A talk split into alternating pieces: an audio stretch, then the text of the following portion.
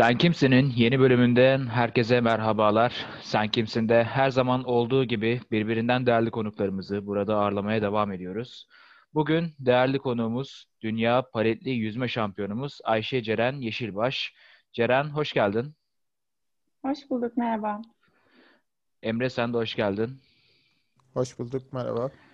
Ee, nasılsınız, iyi misiniz? Ceren, nasıl gidiyor hayat? Ee, iyiyim, iyiyim. Teşekkür ederim. Birazcık yoğun. Sizlerin nasıl gidiyor? İyiyiz biz de Allah'a çok şükür. Ee, bu kısıtlı zamanını bize ayırdığın için öncelikle çok teşekkür ederiz. Ben çok teşekkür ederim beni ağırladığınız için. Ee, şimdi programımızın adı da az önce söylediğim gibi Sen Kimsin? Ve bunu daha önceki bütün e, konuklarımıza da yapmıştık. Bu yüzden sana da bir ayrıcalık olmayacak. O yüzden sana da soracağım. Sorumuz Sen Kimsin? Ben Ayşe Ceren Yeşilbaş. Ee, 20 yaşındayım. Ee, 10 senedir palet yüzme sporuyla uğraşıyorum. 2015-2016 sezonundan beri Türk milli takımında yer alıyorum. Ee, Gençlerle başladım. Şu an büyükler kategorisindeyim. Aynı zamanda peyzaj mimarlığı öğrencisiyim İstanbul Teknik Üniversitesi'nde. Bu sene son senem bitirmeyi ümit ediyorum. Sanırım buyum kısaca. İnşallah diyelim biz de. Ee, şimdi dünyamız sen de biliyorsun ki şu anda zor bir dönemden geçiyor. Senin de bildiğin üzere. Yaklaşık Hı hı. 9 aydır bir pandemi dönemi içerisindeyiz. Sen bu pandemi döneminde neler yaptın? Hani daha önceden yapmadığın, işte bu dönemde yapma şansı bulduğun bir aktivite olsun veyahut daha fazla zaman verdiğin şeyler neler oldu? Ee, şöyle değerlendirebilirim. Önce spor açısından söyleyeyim. Ee, biz 7 ay kadar havuzlardan uzak kaldık. Ee, zaten İTÜ'ye bağlı olduğum için İTÜ üniversitenin okulların kapanmasıyla beraber havuzlar da kapandı. Ee, işte böyle bir buçuk aydır, iki aydır yavaş yavaş başladık. Ee, pozitif anlamda aslında çok e, yeni bir şeyle tanıştım. Yoga ile meditasyonla tanıştım ve sportif başarımın pozitif yönde etkileyeceğini fark ettim. İşte artık meditasyon yapıyorum, yoga yapıyorum. Birazcık içime dönmeyi öğrendim. Psikolojime odaklanmayı öğrendim. O açıdan pandeminin bana ufak da olsa böyle bir e, katkısı olmuş oldu. Yani bu kaotik sürecin içerisinde. E, bu açıda fayda, bu açıdan faydalandığımı söyleyebilirim. E, onun haricinde dediğim gibi çok uzun süre yüzmedik. Şimdi yavaş yavaş antrenmanlara başladık. Alışmakta birazcık güçlük çekiyoruz ama dediğim gibi mental olarak kendimi daha kuvvetli hissediyorum. E, hedefim de açığı kapatmak diyebilirim. Onun haricinde sporu spor haricinde işte kitap okumaya başladım. Daha sık kitap okuyorum artık. İşte her gün iki sayfa, üç sayfa, beş sayfa, yüz sayfa neyse fark etmeksizin elime bir kitap almaya çalışıyorum. Ee, sanırım bu şekilde değişiklikler. Peki e, kitaptan ve müzikten de bahsettin. E, spesifik örnekler alabilir miyiz? Yani mesela ne tarz müzik dinlersen, kitap okursan da e, ne okursun, film izlersen ne, hangi tür izlersin gibi. Şöyle, ben iki sene öncesine kadar kitap okumayla böyle çok neşir olan bir insan değildim ve kendime şunu sordum. Ya gerçekten e, mutlu musun şu an bu durumdan? Ve mutlu olmadığımı fark ettim. E, bir karar aldım dediğim gibi işte. E, özellikle karantina da hani bu konuda çok faydalı oldu benim için ama bir şeyler okumak istiyorum dedim. E, birazcık klasiklerle başladım. E, böyle modern klasikler, daha okuması kolay kitaplarla başladım. Ee, en çok neden keyif alıyorum diye sorarsanız Rus edebiyatı çok ilgimi çekiyor. İşte Dostoyevski, Tolstoy, Gogol, işte Çehov yani e, her şeyi okumaya çalışıyorum aslında. E, bu kısım böyle. Müzik konusunda da yine her şeyi dinlerim. Tamamen moduma göre. Hatta yarış öncesinde bazen çok slow bir şeyler dinlerim. Bazen çok hareketli dinlerim. Çok karışık bir playlistim var. Böyle. E, bunun dışında Rus edebiyatından da bahsettin. Güzel de e, en azından dinleyicilerimize de Rus edebiyatını okumalarını tavsiye etmiş oldun aynı aynı anda. Ha, genel anlamda okusunlar yani. İşin Evet. özeti birazcık da o. evet. İlla Rus Şimdi yavaş- her şey, her şeyden. Ha, ama Evet. şimdi e, Ceren Rus dediği için söylüyor. Rus okusunlar. Ha, Onu önerdi yani. Türk okumayın, Rus okumayın. Yok Ben, olur mu? ben, ben çarpıtıyorum. Çok güzel edebiyatçılarım, çok güzel eserlerimiz var tabii ki yani. Ona da sahip çıkmak lazım. Sadece okuyalım yani. Bir şey okusak bile yeterli. Seçsinler yani. Şimdi e, madem böyle devam ediyoruz, yavaştan yaptığın spor dalıyla ilgili de konuşalım. sen şimdi e, çocukluğundan itibaren de birçok farklı spor dalıyla uğraştın. Uğraştığın bilgisine ulaştık hatta. Biz öyle derin bir araştırmalar yaptık senin hakkında. Doğru. sen bugünlere nasıl geldin? Bizlere bu spor yaşantını bir özetlete, özetleyebilir misin? Elbette. Ee, öncelikle en geriye gidiyorum. Daha iki yaşlarındayken suya böyle deli bir sevdam varmış. Beni sudan çıkartamazmış annem. Yani böyle deniz kenarında ayaklarımı bile soksam hep böyle suyla oynarmışım. İşte bunun ardından yaklaşık 5 yaşlarındayken falan jimnastikle başlatalım. Bir altyapı olsun diyorlar. Ee, Marmara Üniversitesi'nde o dönem jimnastik yapıyorum. Ee, bir yandan işte handbol, voleybol, bale, tenis gibi farklı spor dallarıyla da uğraştım süreçte. Ama en uzun süre yaptığım şey aslında jimnastikti. Jimnastiğin ardından bir gün hocam, e, Ufuk hocam, selam olsun kendisine de, annem beni çekip şöyle diyor, e, bu kızın omuzları geniş, e, fiziği iri, biz bu kızı yeni palet yüzme takımı açtık, oraya alalım diyor. Yani annemler de iyi peki tamam yüzsün diyorlar. E, 2010 yılında başlayan serüven hala günümüze kadar devam ediyor. Yani belli ki ben de sevmişim. O yaşta olmama rağmen, takımda tek başıma olmama rağmen e, gerçekten çok keyifli bir spor. İşte 2012 yılında da e, İTÜ Gelişme Vakfı Okulları Spor Kulübü'ne geçtim. O zamandan beri de aynı takımda yüzüyorum. E, bu şekilde spor serüvenim, palet yüzme serüvenim. Ee, güzel bir spor hayatı olmuş. Şimdi e, sen ülkemizi Dünya Paletli Yüzme Şampiyonası'nda temsil etmiş ve dünya şampiyonu olmuş birisin.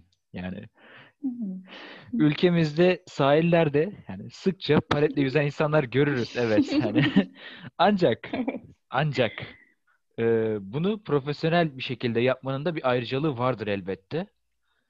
Paletli yüzme ve normal yüzme arasındaki farklılıklardan veya yani bu işin tabiri caizse püf noktaları veya önemli noktaları nelerdir? Ee, şöyle aslında ben paletli yüzme sporuyla uğraştığım söylediğim zaman böyle yaşı büyük olan abilerimiz, amcalarımız, işte ablalarımız şöyle diyorlar. Ha palet mi? Ben de işte denizde takıyorum. Şnorkel mi? Ben de kullanıyorum zaten onu diyorlar. Aslında durum birazcık farklı bunda. bizim bizim farklı boyutlarda paletlerimiz var tabii ki ama bizim yarış paletimiz 5-6 kilo ağırlığı yani ağırlığında olan e, sabunla giyebildiğimiz ancak ayaklarımızı kanatan, yara yapan, ödem yapan, stres kırığı oluşturan falan böyle gerçekten e, değişik değişik bir ekipman. E, genellikle insanlar çok e, tanışmamış oluyorlar bu ekipmanla. E, o, o açıdan öncelikle farklı. E, normal yüzmeden oldukça farklı yine. Dolfin teknikle yüzüyoruz. Aynen bir Yunus gibi düşünebilirsiniz. Ben hani en kolay deniz kızı stili olarak açıklıyorum herkese. E, farklı bizim içimizde de bu arada farklı branşlar var. E, ben genellikle su üstü yüzüyorum. 50 metreden 1500 metreye kadar farklı e, mesafelerde yarışabiliyoruz. Aynı zamanda çift palet yarışımız var. O işte amcaları yüzdüğü paletlere en yakın palet bunlar aslında. Böyle yine tek tek ayaklarınızın ayrı olduğu paletler. Bu, bu dalda da aslında serbest yüzülüyor. Yine palet yüzme de altında. E, dip yarışlarımız var, tüplü yarışlarımız var. 100 metre tüple beraber gidip geliyorsunuz havuzda. Yani tek takla atarak karşıda. Aslında çok e, geniş bir spor dalı ama e, çok tanınırlığı yok maalesef. Keşke olsa. Öyle. Yani bu bizim e, sahil kenarında gördüğümüz o büfelerde satılan 20-30 liralık paletlerden Usta bize Olduk- bir tane sardan nerelere geçti? yani onlardan oldukça Evet. farklı Oldukça Oldu, farklı. Hatta yani Türkiye'de bu işi yapan tek bir tane üretici var. O da işte son yıllarda ortaya çıkmış e, bir firma diyebilirim. E, onun haricinde ben hala paletlerimi yurt dışından getirtiyorum ve ayağımın e, 10 tane farklı ölçüsünü alıyorum aslında. Sadece ayak numarası yetmiyor. Yani paletlerimiz tasarlanırken her palet aslında elde tasarlanıyor. Bu böyle fabrikasyon bir ürün değil aslında. O yüzden işte olimpik olma yolunda da en büyük problem bu noktada çıkıyor diyorlar hatta. Çünkü bir standartı yok. Herkesin ayağına, boyuna, kilosuna ve derecesine göre özel yapılıyor paletler ve yurt dışından geliyor genellikle. Peki e, ek bir soru soracağım. Bu maratonlarda ve e, açık maratonlar ve koşu yarışlarında hatta son dönemlerde de e, oldukça yayınlaşan işte bu Nike ayakkabılarının bazı koşucularda işte büyük avantajlar sağladığını, ona rağmen belli e, kısıtlamalar getirildiğine dair birçok e, olay olmuştu. Peki bu sporda paletler arasında böyle bir yapım aşamasında bir avantaj sağlama diğerlerine kıyasla bir söz konusu böyle bir durum var mı? Ee, tabii ki ya bazı markalar genellikle e, daha üst seviye sporcuların tercih ettiği markalar oluyor. E, ya mesela işte paletin hafifliği, pala diyoruz bir, biz o büyük kısma. Hani deniz kızı kuyruğu gibi gözüken kısma. İşte palanın mesela hangi malzemeden olduğu, hafifliği veya nasıl kesildiği bunlar aslında önemli şeyler. İşte uzun mesafe izliyorsanız palanın kenarındaki plastik mesela daha uzun oluyor. İşte kısa mesafe izliyorsanız daha kısa oluyor falan gibi yani şimdi tamamen atıyorum. Bu tarz değişiklikler var ve e, herkes aslında bunları bilerek yapmıyor. Her marka bunları bilerek yapmıyor veya işte dediğim gibi ben 10 tane ayağımın ölçüsünü alıp yolluyorsam bazı firmalar sadece ayak numarasıyla çalışıyor. O yüzden e, evet palet yapımında aslında değişiklikler oluyor. Avantaj da sağlıyordur muhtemelen bazı markalar diyebilirim. Anlaşıldı. Yani bu konuda e, en azından peki, iyi açıkladı. En azından, çünkü... en, az, en azından iyi açıkladı yani. Çünkü çünkü bir... böyle bir gitti böyle hani tamam en son avantaj sağlar evet falan. Çok çok karışık anlattın hype'lan, hype'landı ve sonuç bir anda öyle oldu. Garip oldu. yani umarım umarım anlaşılabilir bir şekilde anlatmışımdır. Ben Yok, çok net bir şekilde sadece hype'ladım birazcık evet falan. Ondan sonra evet oluyor ya falan oldu böyle. Sıradanlaştı bir süre sonra. Ha, ben biraz uzan altında kaldım. Niye sordum falan oldu. Şimdi e, şöyle bir şey var. Dediklerini çok bir şey net bir şekilde anlayabiliyoruz. Ama e, bizim seni anlayamayacağımız bir nokta var ki buradan da bak böyle bir e, moderatör geçiş yapacağım. E, asla senin e, neler yaşadığını anlayamayacağımız bir an var ki o da senin dünya şampiyonu olduğun an. O anlara bir geri döndürelim. Hem seni hem de sen bizi oralara götür. O an, yarışın bittiği an ve şampiyon olduğunu o anlarda neler hissettin? Bize şöyle kısaca bahsedebilir misin? Elbette bahsedeyim. Bu aslında kelimelere dökmesi çok e, güç bir şey. Yani e, hissediyorsunuz tabii ki ama ben şu anda bile konuşurken böyle gülmemi tutamıyorum. Yani böyle inanılmaz bir his özellikle. E, ben 1500 metrede dünya şampiyonluğu elde ettim. Ve gerçekten çok ciddi bir e, antrenman programı vardı. Çok yorucuydu. O yani elimi duvara değdiğim anda aslında her şey benim için bitti. Tüm zorlandığım anlar, ağladığım anlar bunun hepsi geride kalmıştı ve ben ister istemez böyle bir şey oluyorsunuz. Gerçekten yaptım mı? Oldu mu? Oluyorsunuz. Scoreboard'a baktım. Adımın yanında birinci yazıyor. Ee, hem çok mutluyum hem bir yandan korkuyorum. Yani olamaz diyorum. Olmuş olamaz diyorum. Çok böyle gerçekten anlatması çok güç. Bir de e, biz duvara değdikten sonra yarışmacılar bitirince resmi skorların açıklandığını duyuyor olmanız lazım. Çünkü bir diskalifiye varsa herkes bitirdikten sonra açıklanıyor. E, ben duvara değdiğim anla resmi sonuçlar scoreboard'dadır cümlesi arasında e, sevineyim mi sevinmeyeyim mi e, diye gidip geliyordum aslında. E, zaten sonrasında kürsüde falan da tutamadım gözyaşlarımı. Çok böyle duyguların, her duyguyu çok yoğun hissettiğiniz bir an. E, çok gurur duyuyorsunuz. E, kendinizle yaptığınız işle veya nasıl diyeyim her şey böyle tamam feda olsun gerçekten hani bu bu hissi yaşamak için her şeyimi feda edebilirim diyorsun. Çok çok güzeldi. Bu şekilde tarif edebiliyorum. E, hemen ek iki soru ekleyeceğim. Bir, e, evet. bu dünya şampiyonası başlarken ki hedeflerinden bir tanesi ya bu şey anlamında sormuyorum. Gerçekten kazanabileceğini düşünüyor muydun ilk seferde ilk hani turnuva açıklandığı zaman? İkincisi şampiyon olduğun zaman e, hem ülke tarafından olsun hem yakın e, çevre tarafından olsun sana nasıl geri dönüşler sağlandı? Bu yurt dışından da olabilir. Ee, şöyle ilk soruyu cevaplayayım. Antrenörüm her zaman şey diyor. Ben zaten buna göre plan yaptım. Ben biliyordum diyor ki gerçekten de öyledir. Alper Ekmen'le çalışıyorum böyle e, kendisi antrenmanda moralimin nasıl olduğundan işte her şeyi not alan ve çok ciddi planlamalar yapan bir antrenör. Ee, ben emindim diyor. Hatta böyle derecelerimi daha önceden yazar. Ben yüzükten sonra bak ne kadar yakın tutturdum falan der. Ee, biz Rusya'ya gitmeden önce Rusya'daydı şampiyona.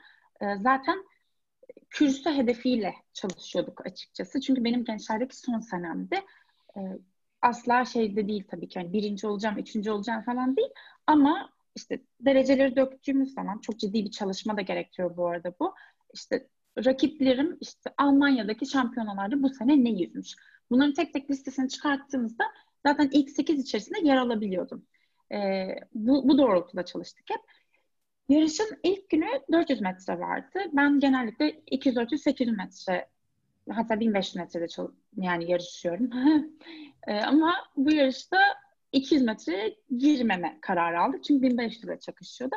İlk gün 400 metre benim en e, kürsü beklemediğim yarıştı açıkçası.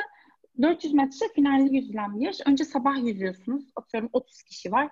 E, hep beraber yüzüyorsunuz. İlk 8 kişi, ilk 8'e giren sporcular akşam bir tur daha yarışıyorlar. Sabah işte ilk 8'e girer miyim, girmez miyim diye bir diyalog oldu antrenörümle aramda. İkinci bitirdim sabahki yarışı ve akşam yüzülen finalde yine ikinci oldum. Asıl bizim için şok yaratan kısım burasıydı. Dünya şampiyonluğu bir sonraki gün geldi aslında ama ben önce dünya ikinciliği elde ettim. E, kimse beklemiyordu aslında. Antrenörüm hani olur ilk beş olur ama işte bir iki üç olur mu bilemem diyordu. Ben zaten hiç beklemiyordum dediğim gibi. Orada bir şok oldu. İkinci gün zaten dünya şampiyonluğu o bir önceki günün madalya heyecanıyla e, çok daha nasıl diyeyim motive girdiğim bir yarıştı. Ve ben yarışı geride götürüyordum. Bunu her zaman söylerim zaten. E, ilk 300 metre öndeydim. E, sonra 1000-1200 metrelere kadar çok gerideydim. Artık aradaki fark 6 saniyelere falan çıkmıştı. Sonra ben bunu da söylüyorum ama hep böyle tekrar etmek gibi oluyor aslında. Yani e, bir anda böyle bir kuvvet geldi bana. İşte bayrağı gönderip tekme gerçekten bunu hayal ettim. Gerçekten İstiklal Marşı'nı okuduğumu hayal ettim. Son 200-300 metrelerde. Ee, o şekilde zaten o hırsla, o motivasyonla rakibimde geçtim ve birinci oldum. Yani bu, bu birazcık daha bekleniyordu ikinci gün ama dediğim gibi ilk gün e, bizim için birazcık sürpriz yaratmıştı. E, ikinci sorunuz neydi? Unuttum. Geri dönüşler nasıldı? Geri dönüşler nasıldı? Evet. Hem ülke olarak hem yakın çevren olarak. Yurt dışı da olabilir. Biraz böyle heyecan yaptığım için bu konularda uzun konuşuyorum. Kusura bakmayın. Yok sıkıntı yok. Hani kend, Sabaha kend, kadar. Kendinin aynen yani kendine ne kadar rahat ifade edebilirsen o kadar hem kendin için de iyi olur. Çünkü rahat bir ortam burası. O kadar şey yapmaya gerek yok yani. Yani çok dediğim gibi çok gerek yok. Çok yoğun hisler bunlar. O yüzden çok sakin kalarak anlatamıyorum ben de bunları. Yani insanın yüzünde kocaman bir gülümseme beliriyor. Yani olayın üzerinden, bu yarışmanın üzerinden 3 sene geçti aslında. Ama hala aynı heyecanla anlatıyorum. Tepkiler dediğinizde zaten e, 1500 metrenin sonrasında özellikle tribünler yıkılıyordu. Çünkü e, dışarıdan izleyen biri için de çok keyifli bir yarıştı. Dediğim gibi yani çok geriden geliyorsunuz ve bir anda atak yapıyorsunuz. E, tribünler yıkılıyordu. Zaten Türk milli takımı kalabalık bir takımdık. Herkes çığlık çığlığa. E, çıktım sudan madalya öncesi antrenörümün gözleri dolu, ailemin gözleri dolu. E, ya böyle tarif edilemez bir histi aslında. Ama herkes çok mutluydu. Çok fazla güzel mesaj aldım. Hiç tanımadığım insanlar bile sosyal medya üzerinden bana ulaşıp e, gerçekten seninle çok gurur duyduk dediler. Ee, çok çok güzeldi. Öyle diyebilirim. Şu anda iyisin değil mi? İyiyim. Sen de çok heyecanlı benim. Kalp krizi geçirdi sandım ya. çok gerçekten orada olsanız e, belki o atmosferi hayal edebilirsiniz ama yani yarışlara çıktığımız ortam bile böyle dumanların arasından çıkıyoruz. Işıklar patlıyor falan oh, böyle oh, oh. E, çok çok güzel bir atmosferdi. Biz tekrardan bu başarıyı elde ettiğin için e, en azından Seni kutlayalım. ben adıma kutlayalım ve teşekkür ediyoruz. E, hem bu ülkeye bu gururu yaşattığın için. E, ben çok biz zamanla mesajı gönderemedik ama 3 sene gecikmeli de olsa şimdiden gönderelim. Çok teşekkür ederim. Sağ olun. E, şimdi bir, bir, ben bir yandan da bu e, hemen hemen bu genç sporcuların da en çok e, en, pardon konuşamadım genç sporculara sorulan en çok sorulardan bir tanesi olan e, eğitim öğretim hayatıyla alakalı bir soru soracağım. Şimdi bazı sporcularda bu örnekleri çok oluyor. Aynı anda ikisini idare ettiremeyebiliyorlar. Eğitimden kısabiliyorlar veya sporu bırakabiliyorlar. Belli başlı örnekler de olabiliyor. Ee, sen aynı zamanda şu anda okuyorsun İTÜ'de kendin de söyledin. Bu sana bir mentalite açısından bir fiziksel bir yorgunluk oluşturuyor mu? Veya bu süreci ilerleyen ki keza senin bu son senen ama bu süreci nasıl atlatmayı planlıyorsun? Ee, çok zor oluyor. Onu söylemek lazım. Ee, çok zor oluyor ama hiç pişman değilim. Herkese de bunu söylerim. Söylemeye de devam edeceğim. Ben hiçbir sınav dönemimde ne SVS'de ne YGS, LYS'de spor bırakmayı aklımın ucundan bile geçirmedim. Ee, çünkü e, sporun verdiği disiplin aslında benim şu anki okul hayatımda da, geçmişte de, lisede de, üniversite sınavına hazırlanırken de e, çok çok ciddi bir avantaj sağlıyor aslında. Ee, dediğim gibi hiç bırakmayı düşünmedim. YGS'ye girdiğim zaman işte tüm arkadaşlarım, hocalarım, işte herkes şey diyordu, ailemi çağırıp işte bu kızın spor bırakması lazım, çok iyi yerlere gelebilir, gelemeyecek, işte üniversite sınavında kötü yapacak, bu kıza alın dershaneye verin, spor yapmasın, çıksın havuzdan, saçı ıslak geliyor falan şeklinde yorumlarla karşılaşıyorduk. E, ailem de ben de o dönem çok şikayetçiydik zaten bu durumda. E, tavsiyem şudur, bırakılmaması gerekiyor gerçekten. E, zor bir süreç, kabul ediyorum. Asla kolay değil. Yani sabahın dört buçuğunda antrenmana kalkıp, yüzüp, ıslak saçla okula gidip, proje yapıp, sekizde eve dönüp, işte bisiklet yapıp, uyuyup yine aynı programa kalkmak kolay bir şey değil. Ama onun getirmiş olduğu tatmin ve o gurur ve işte o başarıyı elde ettiğiniz zaman size dedim ya hani duvara değdiğinde her şey geride kalmıştı. E bunların hepsine değiyor açıkçası. Ee, benim eğitim hayatım dediğim gibi zorluydu ama üniversite şu an 3. sınıftayım hiç yani 4. sınıftayım 3. sınıfı bitirdim. Bu 3 senelik eğitim hayatım hakkında konuşuyorum. Hı hı. Ee, zorluk tabii ki çektim. Üniversite özelinde konuşuyorum şu an. 4. sınıfta şimdi bitirme projesi alacağım. Yine zor, kabul ediyorum. Ama bir şekilde dengeyi sağladığınız noktada size katkısının artısının daha büyük olacağını inanıyorum. Hiçbir sene kaybım veya ders herhangi bir dersten kal, kalma durumuyla karşılaşmadım.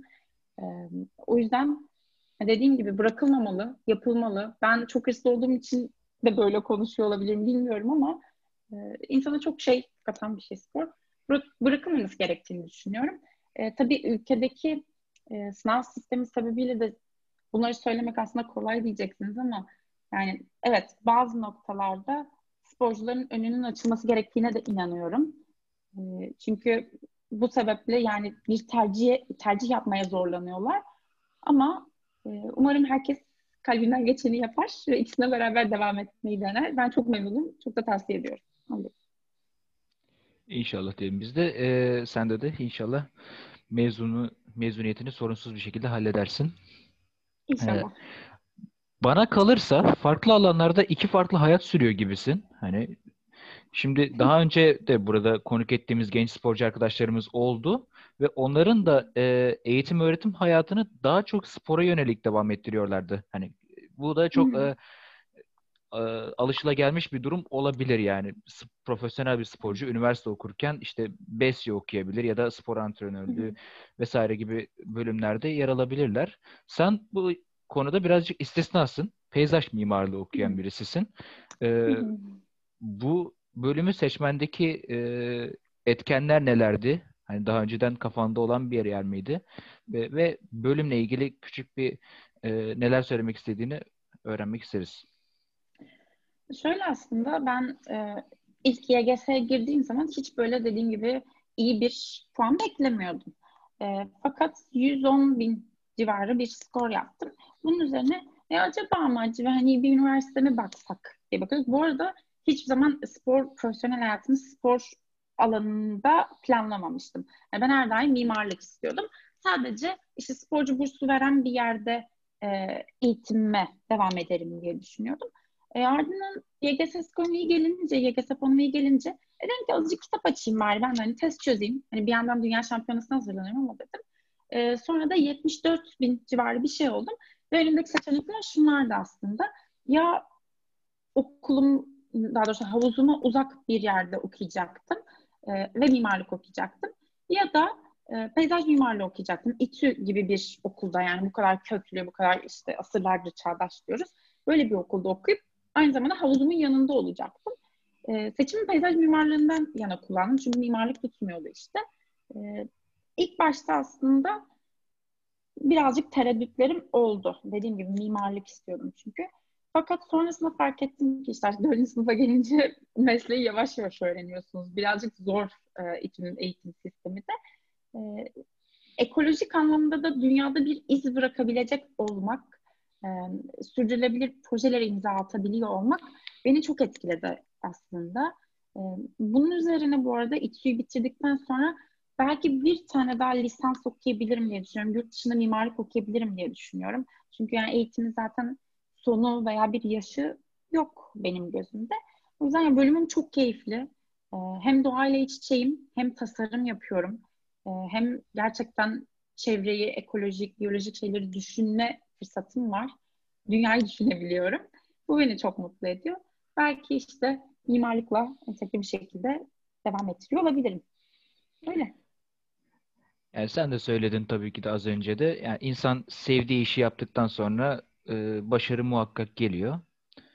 E, tekrar spor yaşantına geri dönelim istiyorum ben. Şimdi e, sakatlıktan bahsettin. Hani ayağın çok fazla ödem oluştuğundan Hı hı. ve e, kanamalar geçirdiğinden bahsettin. E, spor ekipmanlarından dolayı. Peki böyle Hı hı. uzun süreler havuzdan e, yoksun olduğun dönemler oldu mu?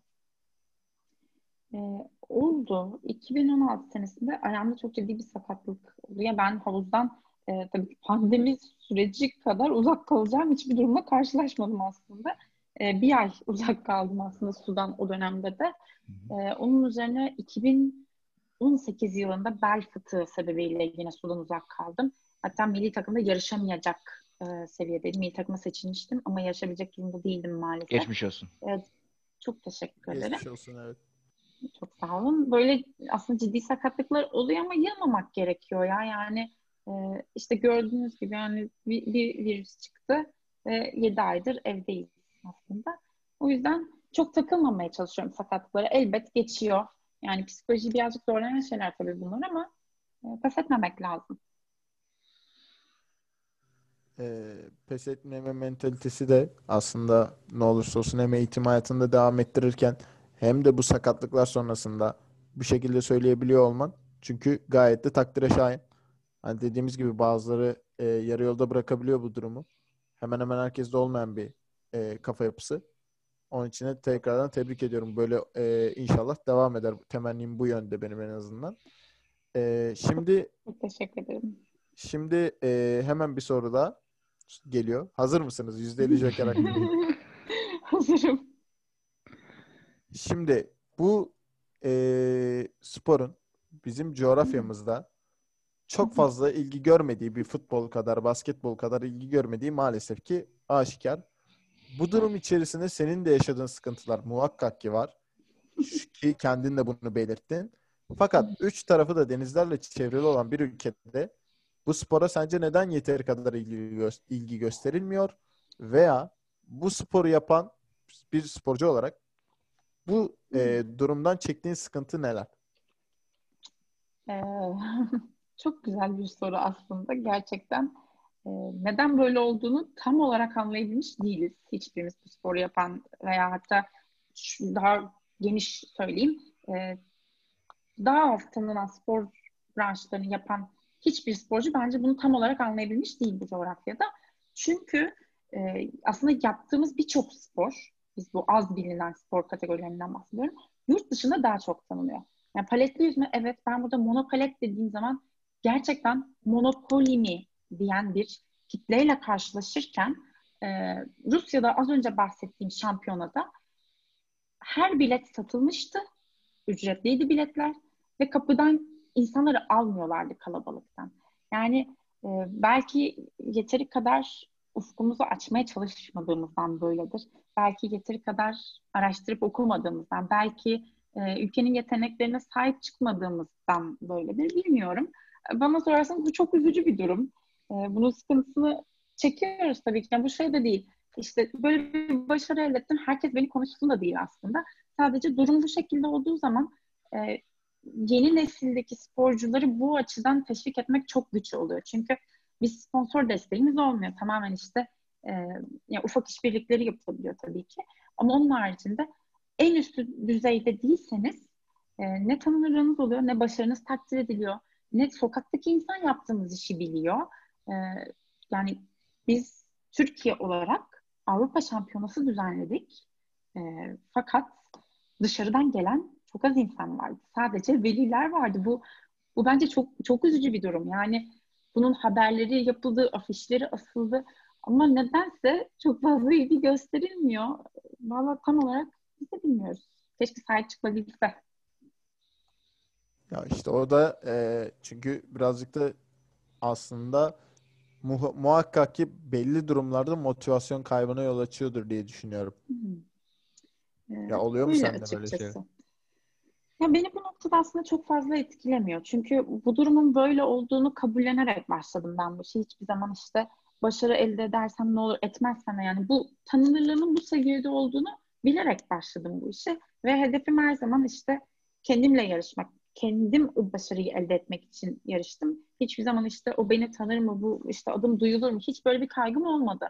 Ama işte rekabet arttıkça bazı sporcuları da nasıl diyeyim gaza getiren şey bu tarz şeyler. O hırsı onlara kazandıran şey bu tarz şeyler. Veya bırakmamaları için vesile olacak şeyler. Ee, işte sponsor desteği bir şeyler. Çünkü e, ekonomi sebebiyle de şu anda paletlerimiz de artık e, artık pahalı kategorisinde diyebiliriz. Paletler, malzemeler, mayolar. O yüzden insanlar e, yapıyorum bu işi, bu kadar da para veriyorum, bu kadar emek veriyorum, sabahın köründe kalkıyorum, yoruluyorum. E, sonuç ne? Elde ettiğim başarıyı kimse takdir etmiyor diyorlar. O yüzden böyle olanlara da bir şey diyemiyorum açıkçası. Evet. En azından e, sporu tanıtma adına sen elinden geleni yapıyorsun. O konuda da belki de için rahattır yani. Evet yani ben her zaman küçük bu yeni jenerasyondaki sporculara da diyorum yani asıl hedefiniz başarı olmalı. Durum bu. Bunu değiştirebilecek kuvvete sahip değiliz şu anda. O yüzden başarı sizi tatmin etsin. Bunun için yüzün, bunun için yarışın. Ee, bundan mutlu olmaya bakın diyorum. Kesinlikle. Yavaş yavaş programımızın da sonuna doğru geliyoruz. Ceren, seni de çok fazla tutmadan. Ee, son bir iki daha, daha soru sorup yayınımızı da sonuna erdireceğiz. Ee, idol olarak gördüğün bir sporcu var mı? Şimdi e, hayatın boyunca paletli yüzme dışında pek çok da spor yaptığını biliyoruz ama sporu ne derecede takip ettiğini tam bilmiyoruz. Spor takip eder misin? Ee, mantalitesini beğendiğin, başarılı gördüğün, hatta böyle örnek aldığın bir sporcu var mı herhangi bir spor dalından? Hmm, aslında birçok sporcu var. Yani e, şöyle söyleyeyim, yani bizim televizyonda açıksa televizyon mutlaka bir spor kanalı açıktır. Yani teniste, voleybolda, buz pateninde ne görürsem aslında izlerim. E, futbolda takip etmeye çalışırım. Hmm, Muslera'yı çok severim. Öyle idol olarak değil ama sevdiğim sporculardan bahsederken. E zaten e, yüzme dediğiniz zaman Phelps'ten başka hani ilk aklımıza gelen isim Phelps. Yine onun da spora yaklaşım açısını severim. E, bizim kendi paletli yüzme sporunda da e, Valerie diye bir sporcu var. Ficini diye bir sporcu var. Bunlar aslında e, çok önemli sporcular. Ama şunu da söylemek isterim. E, sadece idol olarak değil, Türkiye'de aslında çok başarılı bir sürü kadın sporcu da var. Yani bu özellikle Kesinlikle. kadınlara spor konusunda yaklaşım e, çok nasıl diyeyim çok ilgilenilmediği için, çok takdir edilmediği için ondan da bahsetmek isterim. İşte daha önceki podcastlerde de işte e, Vizin abla, İkraf, yani Deniz e, çok aslında başarılı sporcularımız var. E, keşke keşke bilinse işte. Bunların her biri bazı insanlar için bizde yani birbirimizin aslında idolüyüz diyebilirim sanırım. Birbirinizi yükseltiyorsunuz. Evet. Ee, yani peki son olarak geldik e, programımızın da sonuna. Program içerisinde de pek çok fazla mesaj verdin zaten dinleyicilerimize. Ama böyle Rus genel olarak dedi mesela. Rus okuyundan işte e, tanıyın işte kadın sporcuları vesaire gibi Evet. pek, pek çok mesaj verdin. Genel olarak e, dünya görüşünü sormayacağım ama yani bütün dünya şu anda seni duyuyor olsa onlara ne türlü bir mesaj verebilirdin? Ee, Dünya barışı şöyle. dışında böyle. Dünya barışı dışında hmm, şunu diyebilirdim. Ya çok klişe olacak aslında. Ben çok inanıyorum bu tarz sözlere. Gerçekten istediğiniz şey uğruna çalıştığınızda, ona gerekli emeği, zamanı e, verdiğinizde karşılığını elbet alıyorsunuz. Er ya da geç alıyorsunuz. O yüzden pes etmemek lazım. Kendinize güvenin ve çalışmaya devam edin. Evet güzel mesaj içinde. Teşekkür ediyorum. Rus okuyundan sonra efektif bir mesajdı bence. Rus okuyun. Evet, Rus edebiyatı okuyun. Ee, o zaman Sen Kimsin'in bugünlük sonuna geldik. Bugün Ayşe Ceren Yeşilbaş bizlerle beraberdi. Davetimizi kırmadığın için çok teşekkür ederim Ceren. Ben çok Ee, teşekkür ederim. güzel sohbetin için de ayrıca teşekkür ederim. Çok sen- naziksiniz. Emre sana da çok teşekkür ederim. Bugün e, Teşekkür oldukça zor şartlar altında buradasın biliyorum. Evet evet. Onu Ee, programdan sonra açıklayacağım. Ee, Ya sana belli da, baş ağrıları çekiyorum öyle diyeyim en azından. sana da geçmiş olsun diliyorum. Teşekkür Teşekkür ediyorum. Ee, sen kimsinden bugünlük bu kadar. Plase dergiyle kalın. Hoşça kalın.